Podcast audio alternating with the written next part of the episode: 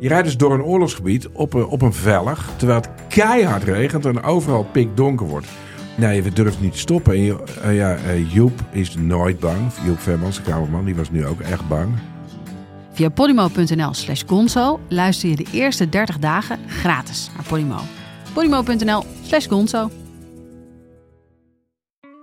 In de podcast Radio Romano met Noortje Veldhuizen Marcel van Roosmalen. En met Roelof de Vries. brengen we alle drie elke week een zogenaamde signalering mee. Wat heb jij nou weer bij je? En aan het eind bepalen we wie de winnaar van de week is. Echt een angstcultuur aan het Lege worden. huls die je er bent? Ja, dat gaat eigenlijk altijd onvriendelijk. Luister nu naar Radio Romano bij Podimo. Via podimo.nl slash Radio Romano luister je 30 dagen gratis. We zitten zeven maanden na de verkiezingen. Ja, het duurt wel echt heel, heel erg lang. En eh, ik weet dat nu veel luisteraars vast denken van... ja, moet zij zeggen, want ze heeft er zelf zo lang gezeten. Maar desalniettemin had ik toch de hoop gehad... dat nadat eenmaal de knoop was doorgehakt... van nou ja, dan gaan we het met deze vier partijen doen... dat deze laatste fase, ook omdat we al zoveel uitgezocht hadden... eh, toch nog iets sneller was gegaan. Dus ik hoop wel dat ze deze drie dagen echt... eh, ja, misschien kunnen ze het wel bijna afmaken, hoop ik. Dit is Betrouwbare Bronnen met Jaap Jansen.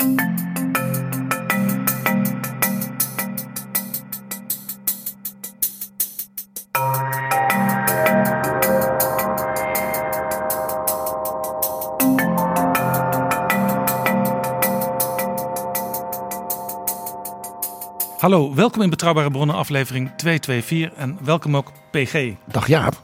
PG, we gaan praten met Mariette Hamer, voorzitter van de Sociaal-Economische Raad. En onlangs van 12 mei tot 7 september, bijna vier maanden lang, als informateur bouwend aan het fundament voor een nieuw kabinet. Dit is Betrouwbare Bronnen. Welkom in Betrouwbare Bronnen, Mariette Hamer. Hallo. Een jaar geleden spraken wij u voor het laatst, dat was in oktober 2020. U was toen zeer bezorgd. U zei, deze crisis, deze coronacrisis, werkt als een vergrootglas bij juist die problemen die er al zijn. Studieschulden, werkloosheid, geen woning kunnen betalen, geen gezin kunnen stichten. Dat stapelt zich nu allemaal op. En u zei ook, de verwachtingen over de ontwikkeling van de Nederlandse economie moeten naar beneden worden bijgesteld. We zijn nu een jaar verder. De coronacrisis is in de beleving van veel mensen bijna achter de rug. Het lijkt goed te gaan met de economie. Waar staan we nu? Hoe is het met Nederland? Nou, ik denk dat we in zekere zin weer zijn eh, waar we voor corona waren, als het economisch gaat. Als we kijken naar de gezondheid van, ons, eh, van onze samenleving, dan zijn we natuurlijk nog zoekende waar we staan. Eh, want we zien elke dag de cijfers weer oplopen. Het kabinet is volgens mij, eh, het zittende kabinet, erg aan het nadenken wat nu de volgende stap moet zijn. Dus volgende week gaan we weer nieuwe maatregelen kijken. Dus de gedachte dat corona over is, die wil ik, daar wil ik maar mee beginnen. Die kunnen we wegnemen. Alleen we zullen steeds meer moeten zoeken naar hoe gaan we daar nou mee eh, om. Dat is overigens iets wat we ook in een van de adviezen die we vanuit de Denktank hebben gegeven, steeds gezegd hebben. Het gaat Ja, want we spraken ook weg. vorig jaar met u als voorzitter van de. Denktank Coronacrisis. Ja. Dat was nog breder dan de SER. Allerlei Ja. maatschappelijke eh, groepen die, die sloegen de handen ineen en maakten plannen van hoe maken wij de economie uiteindelijk sterker dan die, dan die nu is. Ja, nou breder zelfs dan dat. Ik heb het initiatief genomen tot die denktank aan het begin van de coronacrisis, omdat ik dacht er gaat nu zoveel gebeuren. Daar gaan we allemaal, van de gezondheidsraad tot en met eh, de onderwijsraad, tot eh, CPB, eh, CBS, iedereen gaat zitten kijken en kunnen we beter samen doen. Dat hebben we ook gedaan en dat heeft ook, eh, denk ik, eh, zijn vruchten afgeworpen. Eh, maar het gaat dus breder dan eh, dat wij alleen naar economische eh, zaken hebben gekeken. We hebben ook gekeken wat er maatschappelijk zich eh, voordoet. Dus je zou kunnen zeggen, als je nu kijkt, dan zijn we bij de gezondheidscrisis. Weten we eigenlijk niet precies waar we staan. Economisch lijkt het heel goed te gaan. Komen we terug van waar we vandaan kwamen, verwachten tekorten op de arbeidsmarkt. En dan heb je eigenlijk nog het, het derde gebied, wat ik maar even noem, hè, ons mentale welzijn. En daar zie je dat het voor groepen heel verschillend is geweest hoe ze uit eh, corona komen. Sommige mensen hebben er eigenlijk relatief weinig last van gehad. Hadden een wat rustigere periode dan anders, vonden dat misschien ook wel lekker. Uh, jongeren hebben het natuurlijk zwaar te verduren gehad. Zeker de jongeren hè, die bij hun afstuderen gemist hebben dat, uh, dat er een feestje was. Uh, die sommigen echt gewoon een deel van hun puberteit op een hele andere manier hebben doorgemaakt dan dat ze dat gewild hadden. dus bij jongeren zie je uh, echt kwetsbaarheid. En je ziet bij groepen die mentaal al problemen hadden, dat dat eigenlijk sterk verergerd uh, is. En ik denk eerlijk gezegd dat we daar de komende tijd pas echt goed zicht op gaan krijgen. Ja. En toen u in opdracht van de Tweede Kamer aan het informeren was, toen verscheen er ook een advies van uw eigen Sociaal-Economische Raad. Dat was eigenlijk een plan voor wat er tussen 2021 en 2025 zou moeten gebeuren. We gaan het daar later in deze aflevering van Betrouwbare Bronnen uitgebreider over hebben. Hoe is dat trouwens om een advies te krijgen als informateur van uw eigen zeg? Dat was een beetje dubbel gevoel. Uh, want dat advies is niet zomaar een advies, maar was ons middellange termijn advies. Toen ik uh, bij de SER begon, dan had ik eigenlijk één grote ambitie. Namelijk als SER weer zijn middellange termijn advies uh, eh, maken. Want dat was mijn voorganger en de voorganger daarvoor een paar keer niet meer gelukt. Doordat dat was vastgelopen op allerlei inhoudelijke discussies. Ja, want u maakt natuurlijk heel veel uh, deelrapporten als SER. Ja, maar je wil eigenlijk één keer in de vier jaar richting een kabinetsformatie het, het grotere geheel samenbrengen. Uh, dus ik was er nogal op gespind. Zeker omdat we de keer daarvoor, bij de vorige kabinetsformatie, er bijna waren. Maar eigenlijk op een aantal, in mijn ogen, toch meer wat praktische problemen vastgelopen waren, was ik er erg op gespind om deze, uh, bij deze kabinetsformatie dat middellange termijn advies te krijgen. En verdorie kon ik het niet zelf aanbieden, want aan jezelf aanbieden, dat gaat niet. Wat had u eraan als informateur? Want u kreeg dat advies wat u niet geheel onbekend was. Maar was er iets wat u zegt van ik was blij in mijn rol als informateur dat ik dat had? Nou, ik was heel erg blij dat dat advies er was. En het is natuurlijk in de tijd zo gegaan dat wij moesten nog één zware onderhandeling. Uh, en die heb ik ook niet zelf gedaan. Die heeft Romke van der Veen van mij overgenomen. Uh, en daar zaten een paar cru's. Dat, zo gaat dat altijd natuurlijk bij sociale partners. Je bent er bijna, dan gaat het weer een stapje terug. Dan, nou ja, et cetera. Uh, dus die laatste stap, die zijn met name ook over hoe moet dat met dat uitzenden. dat was een belangrijk punt wat, wat over was. Nou, maar hoe ga je überhaupt om met uitzendwerk als zeg maar uh, element van de, eh, van de, van de flexarbeid? Uh, dat is het laatste stukje wat ze gedaan hebben toen ik al uh, op het Binnenhof zat. Ja, ja want, het, want wat mij opviel, dit was een voorbeeldige eendracht uiteindelijk ook van werkgevers- en werknemersorganisaties. Ja. Uh, Ingrid Thijssen, VNO-NCW, ja. Tuur Elzinga uh, van FNV... die presenteerde dit ook heel eendrachtig. Ja, want er was uh, geen voorzitter op dat moment. Dus zij hebben het samen gedaan. Dat is overigens heel goed, denk ik. Want daarmee is hun eigenaarschap... voor dit middellange termijn advies nog groter geweest. Maar het, het persoonlijk, het is puur persoonlijk... is verder helemaal niet interessant. Maar puur persoonlijk had ik, vond ik natuurlijk wel jammer... dat het niet net twee weken eerder klaar was geweest. Ja, zal ik wij gaan zeggen. straks verder over dat advies praten... want dat is eigenlijk ook waar u nu bij de Serviër uh, druk mee bezig bent. Uh, er moet veel gebeuren. We gaan het hebben over de kabinetsformatie. Hoe gaat het op dit moment naar uw inzicht met de kabinetsformatie? Nou, we hebben uh, vandaag uh, op het nieuws gelezen dat ze in Hilversum in de, op de hei zitten. En dat is denk ik op zichzelf goed. Ik vond het wel moeilijk te duiden, want er stond bij ze gaan nu pas echt onderhandelen. Ik dacht eerlijk gezegd dat dat al een poosje bezig was. En dat hoop ik ook eigenlijk. Ja, we zitten zeven maanden na de verkiezingen. Ja, het duurt wel echt heel, heel erg lang. En ik weet dat nu veel luisteraars vast denken van ja, moet zij zeggen, want ze heeft er zelf zo lang gezeten. Maar desalniettemin had ik toch de hoop gehad dat nadat eenmaal de knoop was doorgehakt van nou ja, dan gaan we het met deze vier partijen doen, dat deze laatste fase, ook omdat we al zoveel uitgezocht hadden, uh, toch nog iets sneller was gegaan. Dus ik hoop wel dat ze deze drie dagen echt, uh, ja, misschien kunnen ze het wel bijna afmaken, hoop ik.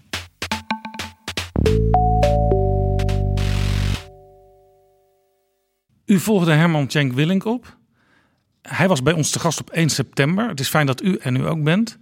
Uh, waarom werd u toen informateur? Ja, ze hadden u gevraagd natuurlijk, maar had u zelf een idee waarom ze u Ja, dat, op een gegeven moment be- begin je het wel een beetje te voelen, eh, zal ik maar zeggen. Ehm, want het ging heel erg Herman Tjenk Willink en ook, zeg maar, eh, denk vooral ook hè, de, door, door de 1 april situatie... heeft in deze formatie de tweede partij, bij de, hè, de tweede winnende partij, moet ik het zo zeggen...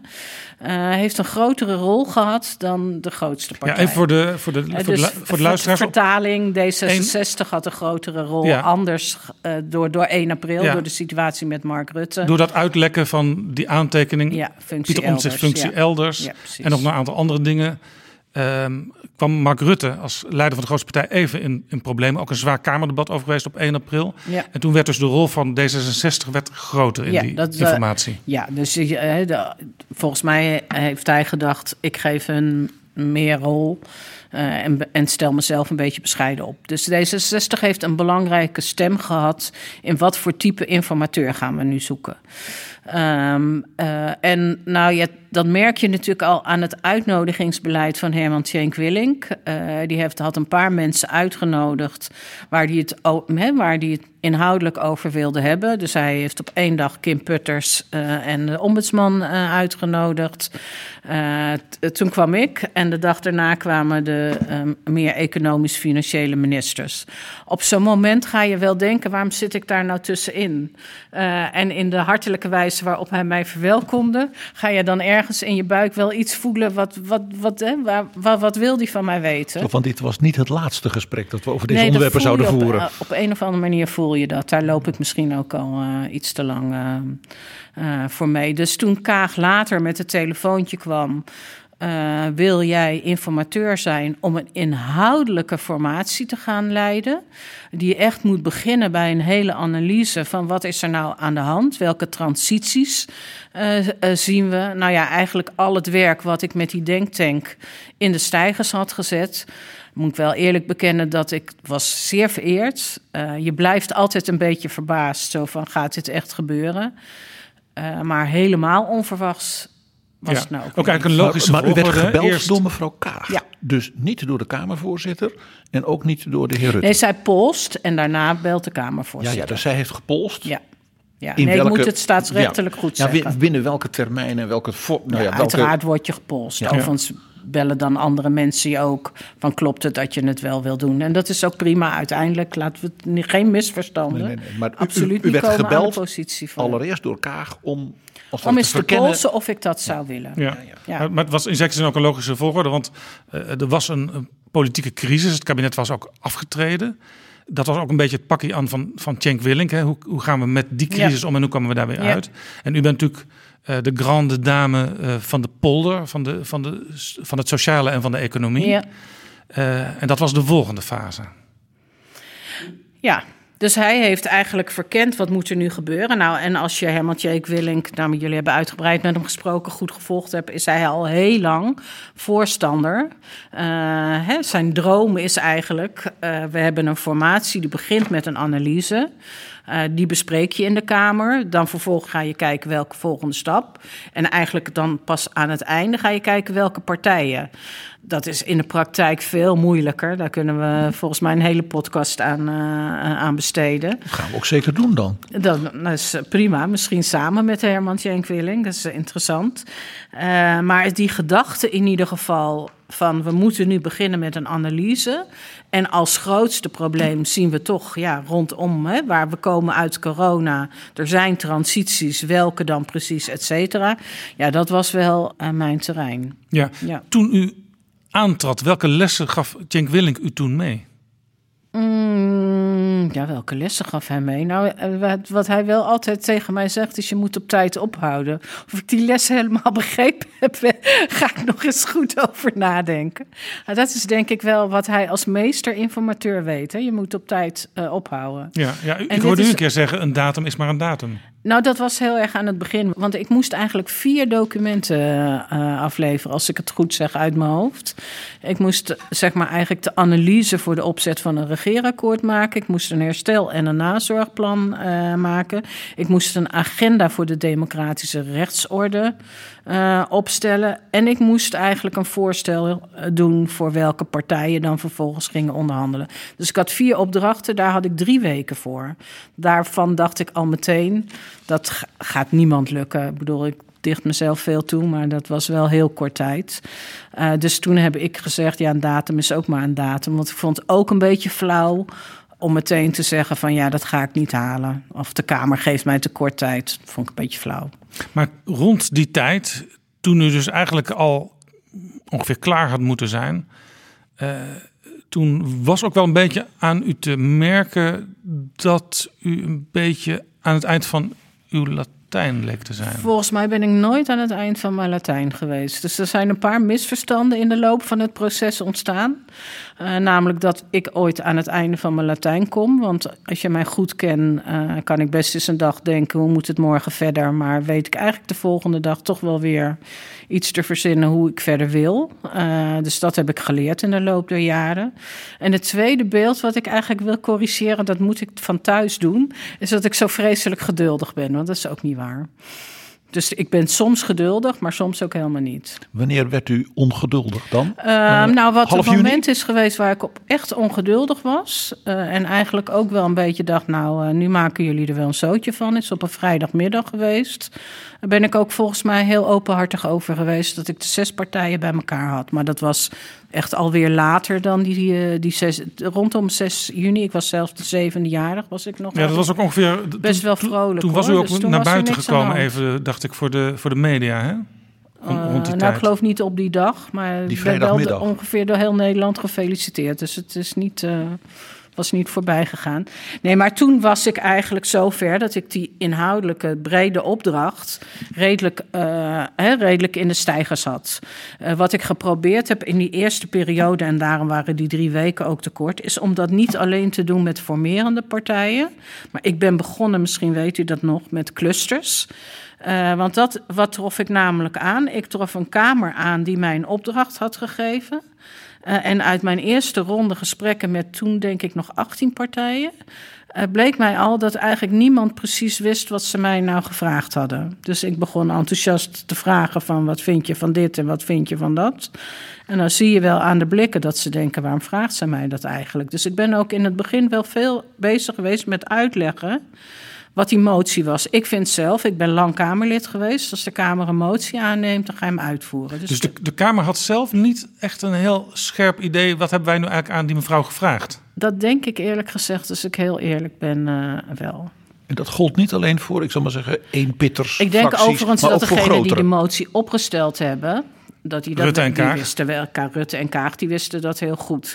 Maar zeg maar, er hebben partijen tegengestemd. Die hebben al helemaal geen idee gehad. Die hebben gewoon tegengestemd.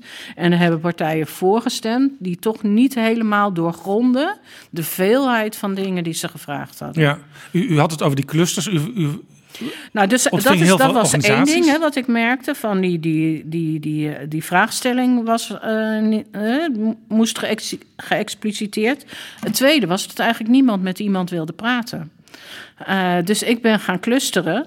Eh, eh, en daar ben ik ook nog lang over nagedacht. Van met wie ga ik nou welk gesprek voeren? En ik heb ze uiteindelijk toch, daarvoor was toch, toch dat eerste gesprek en dat doorvragen van die motie, over die motie wel handig.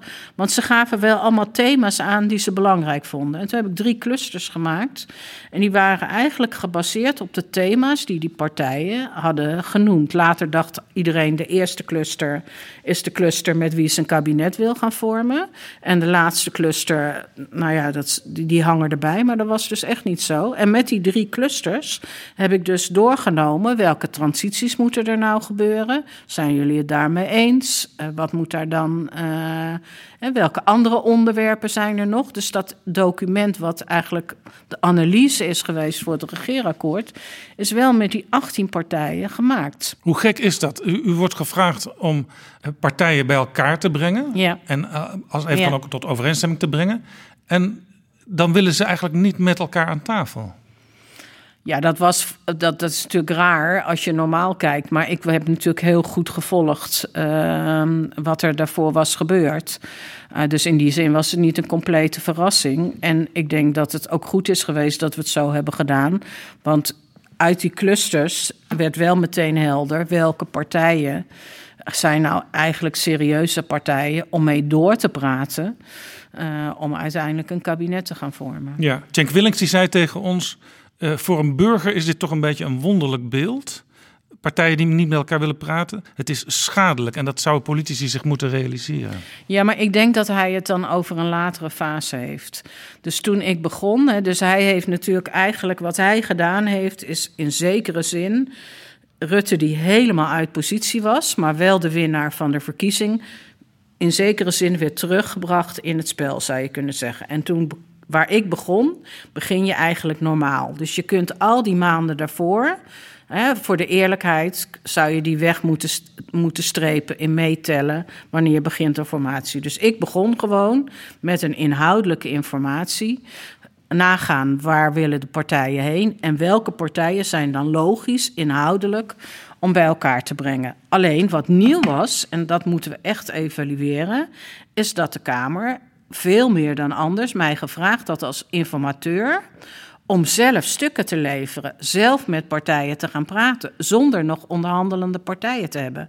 En dat heeft natuurlijk in de buitenwereld wel een beeld gebracht van wat zit die vrouw daar nou te doen. Ja, want het, het beeld want was een beetje. allerlei mensen ja. langskomen. Maar kijk, er stond in die motie: u moet stukken lezen, u moet met mensen praten, uh, u moet dit en dat en dat allemaal gaan doen. Om... U deed dus wat de Kamer Absoluut. blijkbaar zelf onvoldoende beseffend Ja. u gevraagd had. Ja, precies. Ja. Want er, u zult ook wel ge- gehoord hebben dat mensen zeggen van... waarom moet de directeur van de Efteling daar Nou ja, bij dat zijn? is een beetje een flauwe... Ik zeg het maar gewo- gewoon eerlijk, dat nee, werd wel geroepen. nee, ik maak daar zelf ook voortdurend grapjes over, over die Efteling. Maar hij is een beetje flauw, omdat meneer van de Efteling... er natuurlijk gewoon voor de evenementenbranche zat... op verzoek van Jocko Vonhoff, die ik had gevraagd... om een samenstelling te maken van de sectoren... die het hardst getroffen waren door corona. En de Kamer had trouwens een paar dingen heel expliciet aangegeven. Ik moest met de jongeren en met de ouderen praten. Ik moest die transities maken. Dus dan is het logisch dat je, daar was de pers, sommige eh, mensen uit de pers nogal in shock van dat er opeens mensen over klimaat kwamen praten. Maar een van de grote transities is duurzaamheid.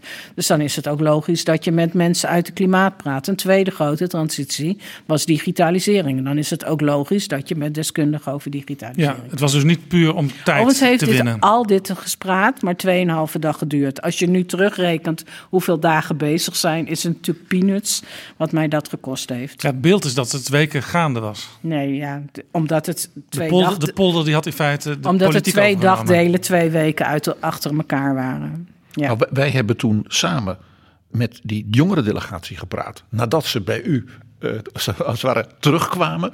En wat toen opviel, dat zij zeiden van... ja, dat ging even tik, tik, tik, tik, tik. Zij konden veel van hun punten kwijt. Ja. Maar heel veel van die dingen Ik vond zeiden het- ze... mevrouw Hamer zei al. Dus dat, dat wekte ook de indruk niet van... men zit hier weken als het ware met elkaar eh, Nee, in het blauw in eind te, nee, te, denken. Het is twee keer een, een, een, eh, een, een dagdeel geweest. Twee weken Ja. lang. Dus dat zijn twee dagen bij elkaar. En later heb ik de uitvoerders eh, nog een keer Ja. eh, langs gehad. Dus dat is ook En u zegt dus, het was allemaal ook in opdracht Maar het van was de Tweede allemaal Kamer. onderdeel van die motie. En de- zeg maar, die inhoudelijke opdracht heb ik gewoon ook op tijd afgehad. Had, dat- had u ook eh, proble- dit probleem- nodig om tijd te winnen? Want eh, er lagen natuurlijk allerlei blokkades. Eh, CDA en VVD die wilden graag met elkaar, maar niet met en Partij van Arbeid en GroenLinks samen. Partij van Arbeid en GroenLinks wilden alleen maar met elkaar. Eh, D66 en de ChristenUnie die wilden niet met elkaar. Nou, het is wel goed om even te kijken toen ik begon wat de indruk was. Hè. Dus er was een motie aangenomen van PvdA en GroenLinks. Eh, onder andere over die democratische rechtsorde en de sociale advocatuur. En eh, veel mensen met een geoefend oog dachten eigenlijk dat is een handreiking van VVD aan PvdA en GroenLinks. eh, om toch samen op te gaan trekken. En het was ook een handreiking van PvdA en GroenLinks... om zeg maar die de motie van wantrouwen hadden gesteund... eh, om toch met Rutte in zee te gaan. Dat was het beeld. Nou, Kaag heeft zich al vrij snel uitgesproken... voor een zo progressief mogelijk eh, kabinet. En CDA had zich nog überhaupt niet uitgesproken toen ik begon. Dus mijn beeld is wel geweest dat ik moest zoeken in die hoek met PvdA en GroenLinks erbij. Uh, en dat is ook niet tegengesproken, zal ik maar zeggen. Uh, ik heb zelf wel altijd gedacht, ja, als dat niet lukt, en gewoon ook mijn eigen ervaring. Ik ben zelf fractievoorzitter geweest in een kabinet met CDA en ChristenUnie. Uh, ik heb natuurlijk vanuit de SER, maar ook vanuit mijn Kamerwerk, veel periodes meegemaakt dat er meer partijen nodig waren dan die in het kabinet zaten. En als je dat dan kijkt welke partijen, dan zou je kunnen zeggen dat altijd die zes daar een hele cruciale rol in hebben gespeeld. Dus dat zijn dan naast VVD, CDA, uh, D66, ook ChristenUnie, PvdA en GroenLinks. Het pensioenakkoord ook gedragen door deze partijen. Dus ik ben natuurlijk, is logisch, en dat kwam ook uit die eerste clusterronde. De SP bleef zeggen, wij doen niet mee met Rutte. De andere partijen zaten er ook heel anders in, of waren te klein, of wilden nog niet. Hè, dus het leidt eigenlijk automatisch naar, dus het moet zes, ergens uit die zes komen. Na die eerste clusterronde waren die zes eigenlijk wel logisch om mee verder te nou, gaan. Is die hele periode dat u zat te Maar u vroeg mij, om ja. even terug te komen wanneer ik nou een keer zo boos was geworden. Uh, misschien toch nog even dat uh, vertellen. Dat is dus geweest op het moment dat ik aan het einde van die ronde met die zes partijen bij elkaar zat. En iedereen eigenlijk bleef vasthouden aan wat hij niet wilde. En men had het dus niet over wat men wel wilde. Nou ja, de, tegen de spiegelbeeld van wat je niet wil is wat je wel wil. Maar in ieder geval was er niet uit die zes een combinatie te vormen die tot een meerderheid in de Kamer leek, ja. leidde. En dat vond ik eigenlijk wel nadat we dus een aanzet hadden voor eh, een analyse voor een regeerakkoord, een agenda voor de democratische rechtsorde, een herstel-nazorgplan waar we het allemaal over eens waren, vond ik het wel teleurstellend die middag. Uh, dat het niet verder kwam. En eerlijk gezegd, dan in mijn hoofd met hoe het hier in, uh, bij de SER was gegaan met die werkgevers en die werknemers heb ik wel tegen hun gezegd: ja, sorry, maar die zijn in staat om over hun schaduw heen te springen. Waarom jullie niet? Ja, dat zijn dus Ingrid, Ingrid Thijssen en Tuur zeiden dat ook. Hè? Als het ons al lukt eh, om tot een groot plan te komen voor de komende jaren, voor de middellange termijn, eh, waarom lukt het dan de politiek maar steeds Nou ja, niet? dat was dus het frustrerende, zeg maar even, van die, dat moment. Dat het dus eigenlijk wel was gelukt om die agenda te maken zowel voor de grote transities en de grote onderwerpen, die zeven thema's, en voor de democratische rechtsorde ook nog een herstel- en nazorgplan voor de korte termijn. Dat lag er allemaal. Daar had ik eigenlijk een Kamermeerderheid van 100 zetels voor. En dan lukt het met de zes grootste partijen niet om te zeggen: wij gaan nu met z'n drieën, vieren, vijven, zessen aan een kabinet werken. Dus ik heb ze twee alternatieven meegegeven. Of we gaan het met z'n zessen doen of de grootste twee partijen. Toen zei ook nog een aantal van, nou, misschien ook met z'n drieën. Allemaal prima, heb ik gezegd. Ga er het weekend over nadenken. Als het maar een Kamermeerderheid heeft. En uiteindelijk is daar het voorstel uit voortgekomen dat de twee grootste winnende partijen uh, dat samen zijn gaan doen. Dus dat ongeduld heeft die middag wel geholpen. En dat was dus waarom u ook later zei, en ook Cenk Willink heeft dat ook tegen ons nog een keer benadrukt, dat in feite op de grote essentiële thema's de verschillen in feite heel klein waren. Ja, precies. En, en waarbij hij als het ware, zeker in het ongeduld wat u nu formuleerde van die middag, bij ons ook met een zekere irritatie zelfs, uh, uh, nou ja, liet blijken dat hij zei van, dan is het toch ook vanuit je, bijna vanuit je vakmanschap als politicus zo, dat je dan ook conclusies gaat trekken. Ja. Ja, nou is dat altijd natuurlijk moet je oppassen. Dus ik ben lang politicus geweest. Als politicus heb je natuurlijk het gevoel dat je volstrekt gelijk hebt waarom jij of alleen maar met een andere partij of juist niet met twee andere partijen. Dus ik geloof niet dat ze daar bewust hebben zitten saboteren. Zeker niet. Maar als informateur die een clubje bij elkaar moet krijgen, voel je natuurlijk wel irritatie. Maar dat is hetzelfde wat ik hier in huis heb.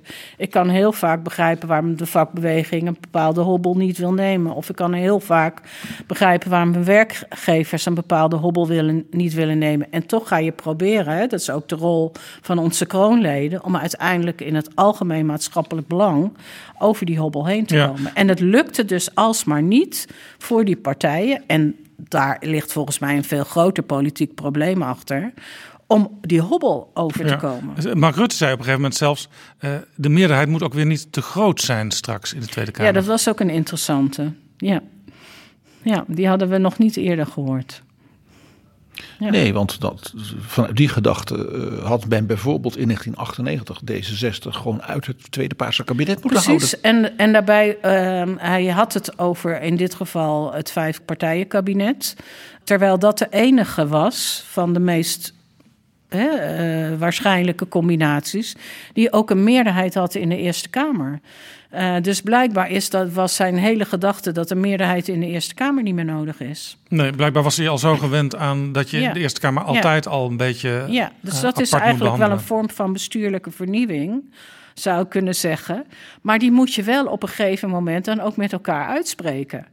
En Ja. misschien ook wel bespreken. En dit is natuurlijk allemaal bestuurlijke vernieuwing die tussen de regels door zich Ja, plaatsvindt. die, hele, die hele periode dat u. Was dat een van die radicale ideeën wellicht die Rutte had voor Ik weet ik bestuurlijke geloof niet vernieuwing? dat hij in het lijstje zat, maar je kunt het hem nog een keer vragen.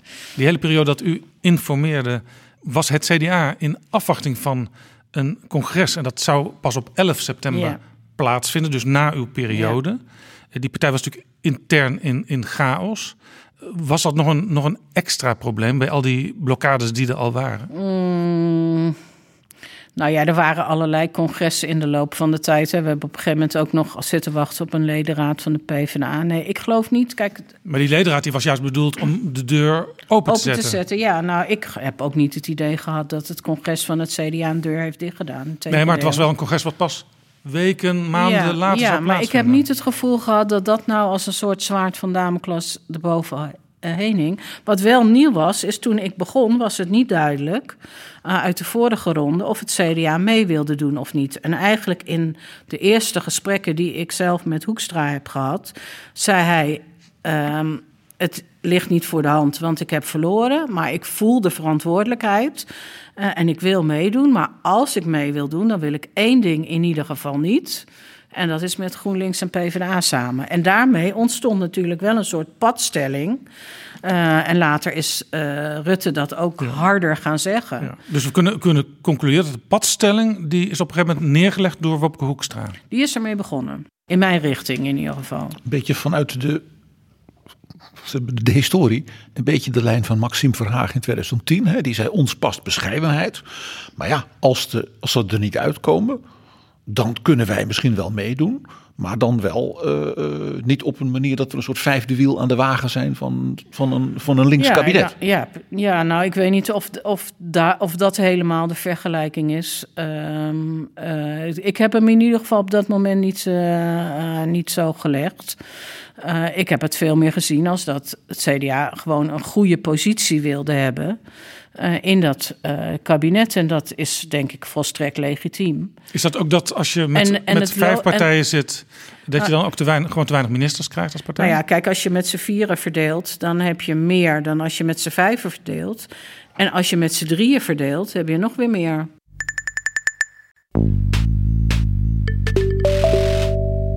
Dit is Betrouwbare Bronnen, een podcast met betrouwbare bronnen.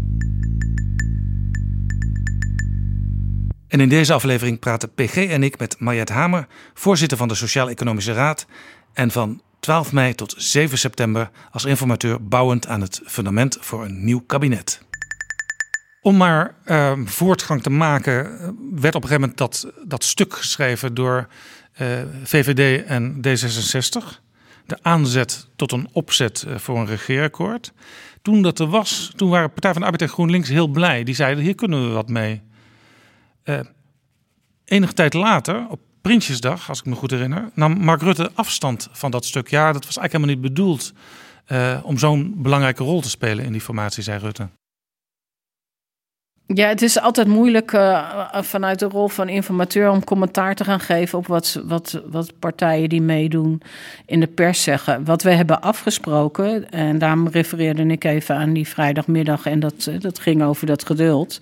Eh, aan die vrijdagmiddag was heel nadrukkelijk dat we iets zouden gaan doen wat weer een stap was op weg naar een regeerakkoord.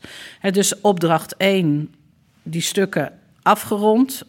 Dan vervolgens kijken welke partijen. Nou, daar was het nog te vroeg voor. In ieder geval zeker wetend VVD en D66 gaan onderdeel uitmaken, wilden ook de regie nemen. Dat was overigens wel het moment dat dus VVD weer aanhaakte. Dus weer zich vrij voelde uh, om mee de regie met D66 te pakken.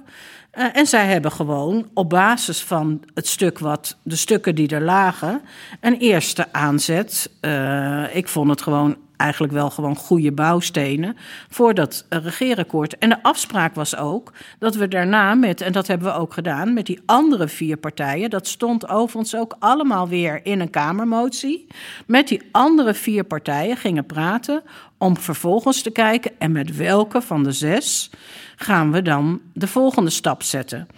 Uh, dus ja, dan kun je achteraf zeggen dat was niet de bedoeling, maar we hebben toch gewoon echt over dat stuk met die andere vier partijen zitten praten. Dus het CDA had bewijs van spreken aan de hand van dat uh, geactualiseerde stuk van Richard van Zwol kunnen zeggen, nou daar staan, hè, wat is het, 15 paradigmawisselingen in. Van die 15 dingen, daar leggen wij 15 zeg maar, aanvullende voorstellen nou, naast het stuk van Jette en uh, Hermans. En dan had men dus op de inhoud ja. dat gesprek kunnen voeren. Ja, PG heeft het nu over het, over het uh, visiestuk wat de CDA heeft gepubliceerd enige tijd geleden, waar we ook een aflevering van Betrouwbare Bronnen aan gewijd hebben. En dat stuk is geschreven onder leiding van Richard van Zwol. En dat had men dus er gewoon bij kunnen leggen. Maar, en kunnen zeggen, nou, wat voor deel heeft men dat ook gedaan. Kijk, we hebben daar natuurlijk met elkaar over dat stuk gesproken. En het CDA heeft ook aangegeven, er ontbreken delen. En er ja, er stonden ook dingen niet in. Hè? Het leenstelsel kwam ja, in dat stuk niet voor. De, ja. de, stikstofbehandeling kwam er niet ja, in voor. Nou ja, de leenstelsel stond er bewust niet in. Omdat we natuurlijk wisten dat de derde partij die erbij zou komen... zeer waarschijnlijk het CDA was. Want het ging eigenlijk in de keuze, ga je nou met PvdA, GroenLinks... En zo'n partij moet nog wat toe te voegen nou, hebben. We wisten allemaal de grote wens van het CDA voor het leenstelsel. Dus dan is het logisch dat je zegt, we wachten even tot hij erbij komt. Want laten we dan daarmee meteen gewoon beginnen om uh, dat ja. gesprek te voeren. Dus toen Gert-Jan Segers zei, het is wel een erg liberaal stuk. Toen vond u dat eigenlijk helemaal geen problematische opmerking? Nee. Hij had ook overigens allerlei dingen kunnen inbrengen die hij wilde veranderen. En overigens onderwerpen die hij ingewikkeld vond, waren voor een deel ook onderwerpen die het CDA ingewikkeld vond. Dus het was niet een stuk van dit moet het zijn, maar het was wel een stuk. Dit is de volgende stap van de algemene analyse en het aangeven: dit zijn de problemen. Ligt hier een eerste opzet, bouwstenen voor oplossingen. En dat is ook wat er moest komen. En ik mag hopen dat ze dus ook met behulp van wat er ligt... nu aan het praten zijn en nu heel snel met die oplossingen ja, gaan komen. U zei op uw persconferentie eh, bij uw tweede en laatste eindrapport... dat de grootste partij een speciale verantwoordelijkheid draagt. Heeft Mark Rutte die rol voldoende gepakt? Nou, eerst had hij de ruimte niet, moet je zeggen. Dus dat, dat, dat, kun, dat kun je hem ook niet verwijten. En je zou kunnen zeggen dat D66 in die zin heel goed uh, in dat gat is gesprongen. En dus ook het initiatief heeft genomen om mede op basis van de voorstellen van Tjenk Willing die formatie uh, in te richten.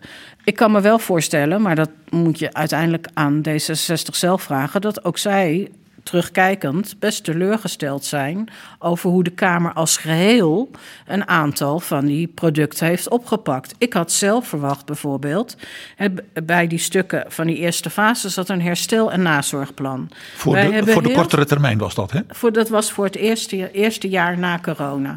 Wij hebben eigenlijk, want je hebt als informateur geen geld. Dus was ook een hele specifieke opdracht. Maar ik ben gaan zoeken, wat zit er nou nog allemaal in die begrotingen? En er was best nog veel geld op de plank. Om nou een heel simpel voorbeeld te noemen, er lag nog behoorlijk wat geld voor ventilatie van scholen. Wat is nu een groot probleem? Ventilatie van scholen. Dus in dat plan zaten allemaal voorstellen. En eigenlijk was het idee: de Kamer gaat een motie maken en zegt tegen het zittende kabinet: werk nou dat plan van de informateur uit en zet het als onderdeel in de begroting voor het komend jaar. En die motie is niet gekomen. Die motie is niet gekomen. Is het kabinet was dan als het ware ietsje minder demissionair gemaakt door de Kamer om actie nou, ja, te, nou ja, te, te had nemen. gewoon een opdracht van de Ja, Kamer. Dat kan ja. de Kamer doen. Ja, Dus dat kan de Kamer doen, daar is ze ook met voor. de status van een kabinet. Maar de Kamer kan gewoon opdracht geven. Maar Nee, die motie is er niet gekomen. Er is een vaag zinnetje gekomen in mijn vervolgopdracht. Dat het kabinet maar moest kijken wat ze met het plan deden. Vind ik een gemiste kans. Heb ik daar ook is in dus- de Kamer daar gezegd. Is, is, ik hier dan misschien sprake van een eh, regiefoutje? Want er zijn toch eh, een, altijd een aantal mensen aan tafel bij u die dat wel begrijpen, dat dat eigenlijk het idee is. Ja, van, maar omdat ze verder. dus niet zeg maar konden komen tot een samenstelling van wie nou verder ging, ja, dan blijft zoiets hangen. De partijen die niet mee formeren zijn denk ik toch op een bepaalde manier niet alert genoeg geweest. hè. Ik kan me herinneren, mevrouw Marijnissen vond het allemaal heel algemeen.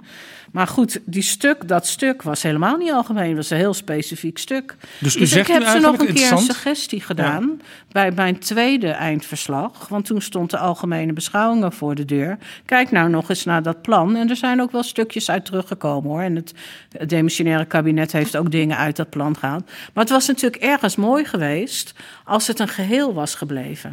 En je zou misschien ook kunnen zeggen, we waren nu al verder geweest met het herstel als dat toen gewoon was uitgevoerd. Ja, dan was er in ieder geval een concreet plan geweest voor, voor herstel en nazorg voor corona. En nu is het toch een beetje hapsnap gebleven. Dus dat is ook bij de algemene beschouwingen te veel, nou u zegt zelf, hapsnap geweest. Nou ja, omdat het toen al zat er natuurlijk stukjes al hier en daar, dus dan is het moeilijker.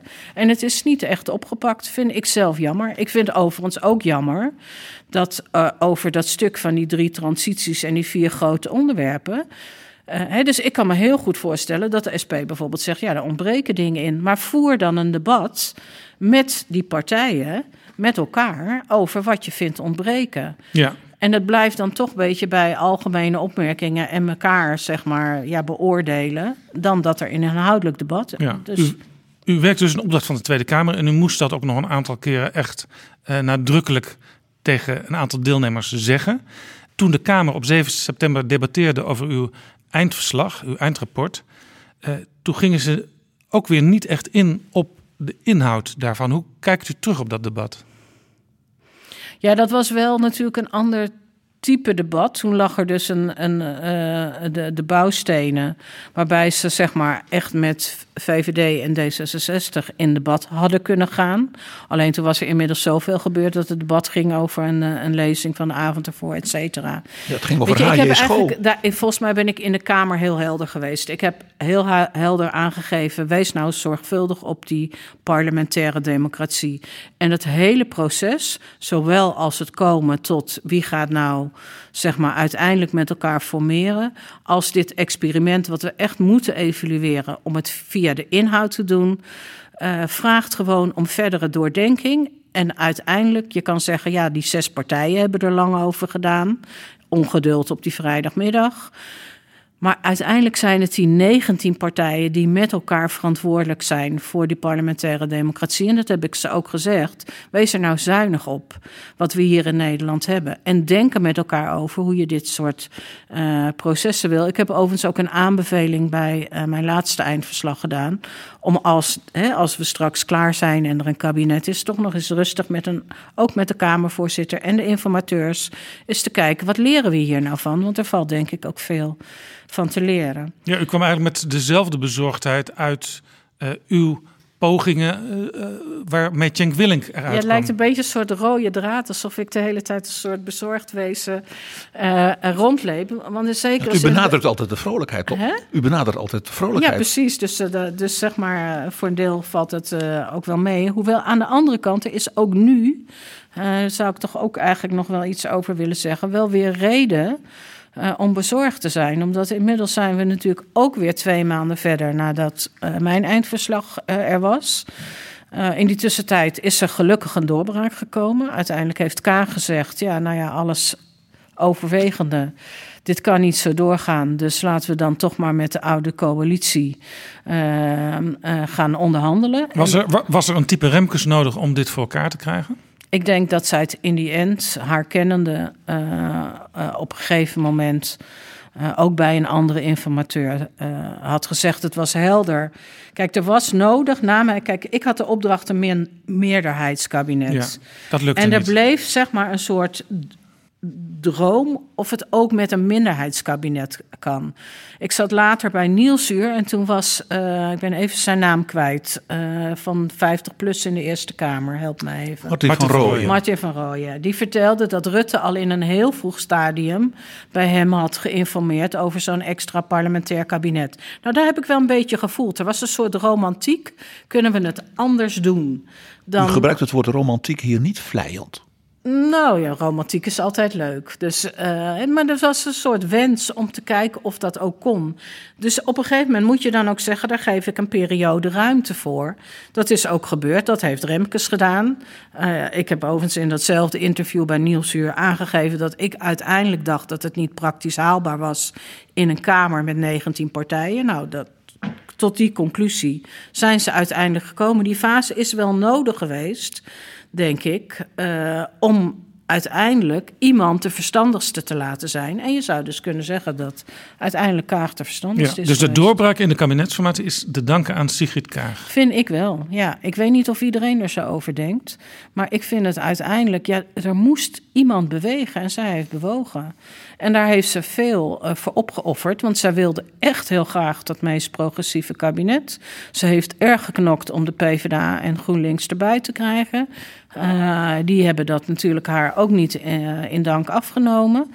En dus ik vind wel dat zij haar nek heeft uitgestoken. Hebben die twee partijen haar voldoende krediet gegeven of niet?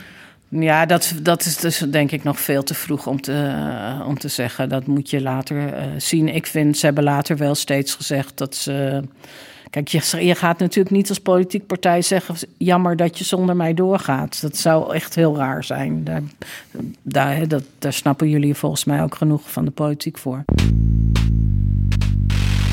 Waar ik trouwens benieuwd naar ben, toen u informeerde, was u toen ook af en toe nog aan het werk als SER-voorzitter tussendoor? Nee. Want um, toen u weer helemaal terug was bij de SER, zat uw agenda ook meteen weer helemaal vol. U zag meteen ook weer al die rapporten. U zag ook dat, dat grote middellange termijn rapport... wat Thijssen en Elzinga in yep. bij uw afwezigheid hadden gepresenteerd. Misschien moeten we daar even naar kijken, naar dat rapport. Want daar staan een aantal uh, aanbevelingen in op drie terreinen. Uh, arbeidsmarkt, inkomensgelijke kansen... investeren in brede welvaart, publieke sector... en over budgetair beleid. Voorlopig geen lastenverzwaringen en bezuinigingen. Uh, als je nou dat rapport pakt en je pakt een aantal van die stukken die, die eigenlijk bij Cenk Willink en bij u al op tafel uh, zijn gekomen. Ja, misschien heb je alleen nog maar een, een, paragraaf klimaat en energie nodig. Misschien nog iets over medische ethiek. Nog iets over geopolitiek en defensie. En je hebt dat coalitieakkoord. Ja, dat zou natuurlijk uh, geweldig zijn als, uh, als. Want we hebben nog een heleboel meer SER-adviezen gegeven in die tijd. Over kinderopvang, over kansrijke samenleving, over ongelijkheid ja. in het, het onderwijs. Het moet kort en bondig zijn, natuurlijk. Hè? Dus, dus, dus... Ja, nee, maar dus als zij zeg maar als het ware een samenvatting maken van al die SER-rapporten en zeggen dat is het regeerakkoord, dan is de SER natuurlijk heel blij. Um, maar, maar ik wil eigenlijk naar iets anders fundamentelers toe.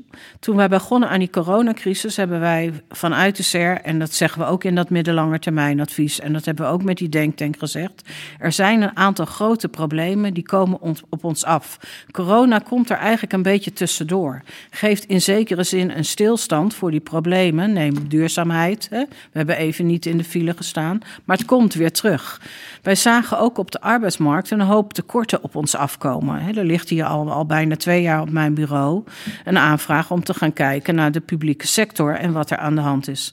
Als je dan nu even naar de dag van vandaag stapt en wat er nu aan de hand is dan zie je dat die tekorten op de arbeidsmarkt eigenlijk als een boemerang nu naar boven komen. Uh, zoals we die voor corona zagen aankomen. En breder dan dat, want toen ging het alleen over de publieke sector. Inmiddels weten we dat als we de klimaattransitie willen doen, dat we eigenlijk niet de mensen hebben ervoor. Um, om maar een heel simpel voorbeeld te, uh, te, nemen. Ik had vorige week online een paar ringetjes besteld bij een landelijke juwelier. Die kreeg ik geleverd, maar er zat ook een briefje bij, een gedrukt pamflet. Uh, als je wilt kun je bij ons komen werken. Dus daar zitten ze met tekort aan mensen. Ik was van de week bij mijn kapster, die is al twee maanden op zoek naar iemand. Overal waar je komt, hebben werkgevers het over tekort aan mensen. Dus we hebben op die arbeidsmarkt echt een gigaprobleem op het ogenblik. Neem daar het middellange termijn advies van de SER bij, waarvan we geprobeerd hebben echt een fundamentele verandering in te zetten. De laatste tien jaar ging het toch steeds over flex een beetje minder flex, vast een beetje minder vast. Wij zeggen eigenlijk, ga nou weer terug naar goede arbeidscontracten, goede arbeidsomstandigheden, goede arbeidsvoorwaarden over de hele linie. Haal de, echte schijnconstructies aan de onderkant eruit. En zorg dat je naar een nieuw systeem van werk naar werk gaat, waarmee je ook op termijn je sociale zekerheid kan aanpassen. Want als iedereen altijd van een baan naar een baan kan gaan. En kan dat ook die personeelstekorst? Nou ja, dat gaat daar natuurlijk wel ontzettend bij helpen. Doe daarbij nog een paar andere dingen. Ga nou eindelijk van die kinderopvang een goede, fatsoenlijke voorziening maken. Zorg dat het voor vrouwen aantrekkelijk wordt in beroepen om fulltime te werken daar moet je ook naar dat toeslagensysteem gaan kijken. Want nu is het een optel- en aftelsom waarvan je helemaal knettergek wordt. Dus dan denk je, nou blijf maar lekker thuis zitten. Eh, dus, dus er is heel veel te doen nog op die arbeidsmarkt. Nou, en natuurlijk het hele thema leven lang ontwikkelen daarbij. Omdat die vaardigheden dat, waar die tekorten voor ja, zijn voortdurend zich ja, weer ja. vernieuwen. Ja, voor mij hoort van werk naar werk, leven lang ontwikkelen is eigenlijk voor mij één pakket. Dat hoort bij elkaar. Ja, maar je zou kunnen zeggen, u, u zei eerder in een gesprek met ons, uh, we, we hebben nu een röntgenfoto in deze coronatijd van wat er allemaal los is in de, in de samenleving. En die röntgenfoto die is nu op dit moment werkelijkheid aan het worden. Ja, precies, dat is Wij eigenlijk het- wat ik zeg. We heen. komen uit corona, terwijl we, we- het is er nog niet, niet over. Hè, dus dat maakt het in die zin nog ingewikkelder. Want voor hetzelfde geld moeten we toch weer straks maatregelen nemen. En ondertussen zien we dus die spanning op de arbeidsmarkt. Maar ook de klimaatdoelstellingen. Maar ook digitalisering, wat versneld doorgaat. Maar wat niet iedereen kan meemaken. Laaggeletterdheid groeit in plaats van dat het afneemt. Dus er zijn zoveel grote problemen. En dat is zeg maar de onrust die ik voel. Hè, dat ik denk, nou ja, er ligt zoveel wat we weten. Eh, en toch duurt die kabinetsformatie maar voort en voort. En zitten ze nu vandaag, as we speak, eh, voor het eerst, dus zo, stond het in de krant, in deze setting met elkaar te onderhandelen. Misschien een dus groot... maak toch, zeg ik, en dan komen we weer terug aan het begin van het gesprek, beetje raar uit mijn mond misschien, maar ik zou toch willen zeggen, maak nu echt vaart, want het is... Dat, ja, het, het is echt zo hard nodig. Misschien een groot woord, maar als we nu naar de samenleving en naar de economie kijken, kun je zeggen dat we richting code rood gaan? Ja, dat is altijd moeilijk. Kijk, want economisch gezien, dat is het rare natuurlijk. We verdienen nog steeds geld als water, tussen aanhalingstekens. De beurzen schieten uit hun dak. Heeft ook met de lage rente eh, te maken. Dat heeft ook een, is ook een kans. Dus dat is een tweede verwondering. Eigenlijk als je naar deze situa politieke situatie eh, kijkt. Dat we zijn het dus over veel problemen eens. We zien ze. We zien ook de oplossingsrichtingen. In zekere zin hebben we geld. Er is ook zelfs nog Europees geld wat we zouden kunnen inzetten. 6 miljard. En toch zijn we in een soort verlamming geraakt, waardoor we geen beslissingen durven te nemen. Eh, heel, heel kenmerkend punt, het letterlijk deze dagen. De grote klimaatconferentie in Glasgow, nou de G20 in Rome. Eh, ik sprak eh, de watergezant Henk Ovink. Die zei, ja, als Nederland inderdaad klimaatkampioen wil worden... met de enorme kennis en bedrijfsleven wat er is op het gebied van juist die waterontwikkeling... dan zouden we dat nu moeten doen. Nou ja, dat- En die zei ook, ja, dat, dat, het feit dat dus in Europa dat geld daar ligt... en dat ligt te wachten op nog maar één land, en dat is Nederland. Ja. Hij zegt, hij zegt dat, dat is dat soort verlamming waar u het over heeft. Ja, en die verlamming zit dus echt in de politiek. Want hè, de, de CER had zijn middellange termijn advies. Ingrid Thijssen heeft het initiatief eh, genomen voor een stikstofoplossing. heeft ze met allerlei partijen aangewerkt. Er lagen voorstellen voor een landbouwakkoord. Er liggen allerlei maatschappelijke initiatieven, ook op klimaat.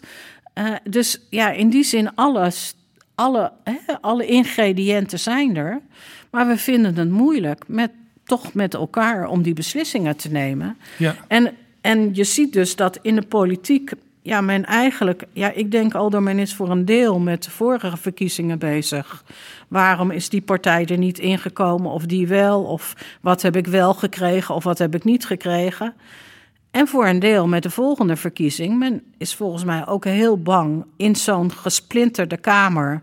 Hè, om aan de linkerkant van de, van de omgeving links te verliezen. En de rechterkant hè, om de omgeving rechts te verliezen. Waardoor men in het midden eigenlijk ja, toch moeilijk vindt om te kiezen. en dan was het, in die zin was het dus helemaal niet zo gek dat er suggesties kwamen om met vijf of zes partijen te gaan regeren, omdat je het dan met elkaar draagt. En daarom was zeg maar het nadenken, wat ik dan maar even romantiek noemde, over andere constructies waarin je toch probeert die zes partijen bij elkaar te houden, natuurlijk ook niet zo vreemd uh, om over na te denken. En je ziet nu ook dat, ja, nou, nu de beslissing genomen is om het dan maar met het zittende kabinet te doen, ja, men ook eigenlijk toch heel ja, bijna een beetje onnatuurlijk aan het zoeken is om daar dan maar weer een nieuw stempeltje op te drukken. Waarvan ik denk, ja, ik geloof niet dat de Nederlandse burger daar nou heel erg mee bezig is. Dus de politiek is ook in die zin ja, een beetje naar binnen gekeerd geraakt, naar hun eigen beeldvorming. Terwijl ik denk, ja, de problemen zijn zo groot, pak ze op. En ik denk wel dat ze dat in zichzelf. Maar is te veel met zichzelf bezig? Ja, maar, dat, maar dat, dat, dat, is natuurlijk altijd een wisselwerking tussen kiezer en gekozenen omdat die Kamer zo gefragmenteerd is geraakt. Dus daar ligt een veel groter politiek probleem aan ten grondslag. Dus dat is wat ik ook in de Kamer heb gezegd. Je kan naar die zes partijen zitten kijken, of je kan naar die partijen die een blokkade neerleggen. Maar eigenlijk ligt, hebben al die 19 partijen ergens een soort blokkade ja. neergelegd. En die moeten dat ook met elkaar gaan oplossen. Ja, en om het beeld nog wat somberder te maken, wat helemaal in strijd is met uw idee van we moeten ook altijd een beetje vrolijk blijven met elkaar. Een week of twee geleden kwamen Ingrid Thijssen en Jacco Vonhoff van MKB Nederland met een noodkreet over het vestigingsklimaat. Want doordat de politiek eigenlijk uh, maar steeds niks doet, ja. Uh, brokkelt ook het idee van Nederland is een fijne plaats om te wonen en te werken af. Er was een brede oproep die Heel eigenlijk ging over vestigingsklimaat, innovatie, et cetera. Nou ja, het is natuurlijk ongelooflijk jammer. Wij hebben, wij, wij hebben zeg maar, de industrie staat klaar. Uh, zou je kunnen zeggen, daar hebben we in dit huis ook veel uh, aan gedaan om echt het voortouw te nemen in de klimaatverandering. We hebben heel veel kennis in huis. We hebben goede universiteiten, we hebben goede hogescholen. We hebben uiteindelijk ook heel goed middelbaar beroepsonderwijs. Dus er is heel veel waarmee we zeg maar ja, hoog op de lijsten kunnen staan en willen staan. En ja, dat moeten we nu gaan doen.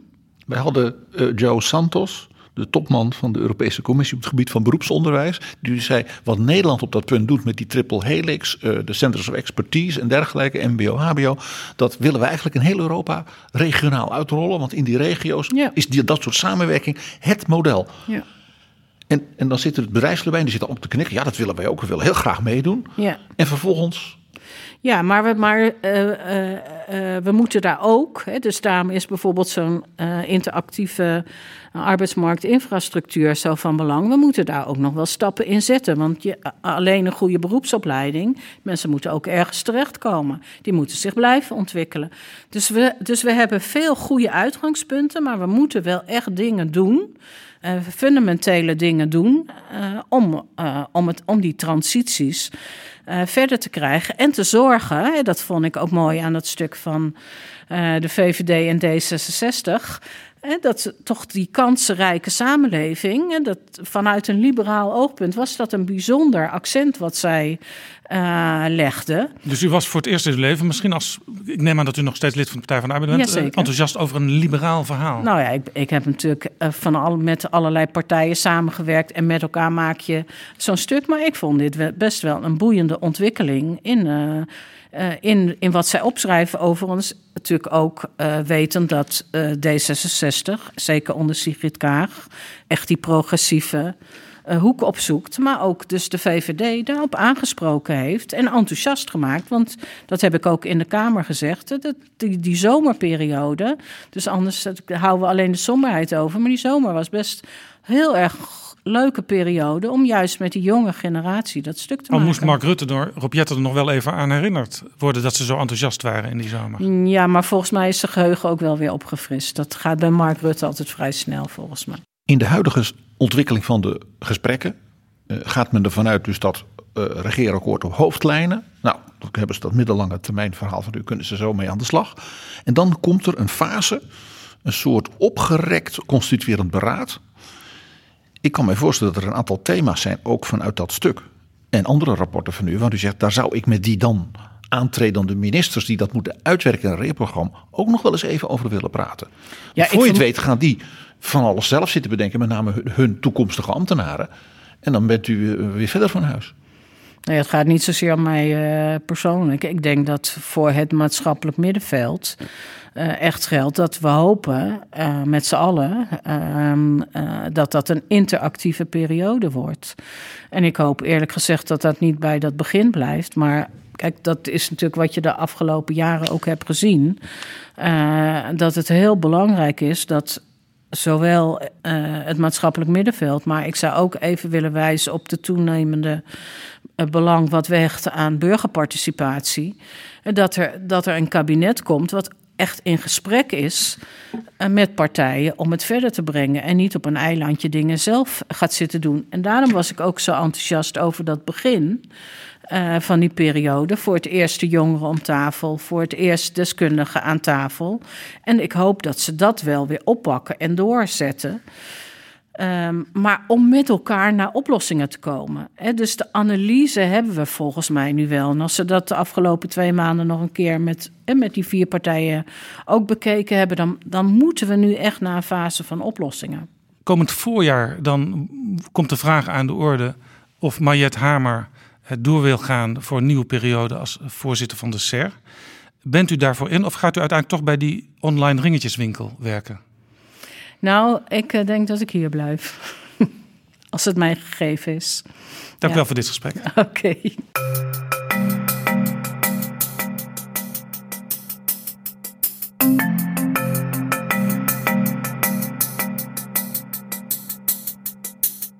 Zo, dit was Betrouwbare Bronnen, aflevering 224.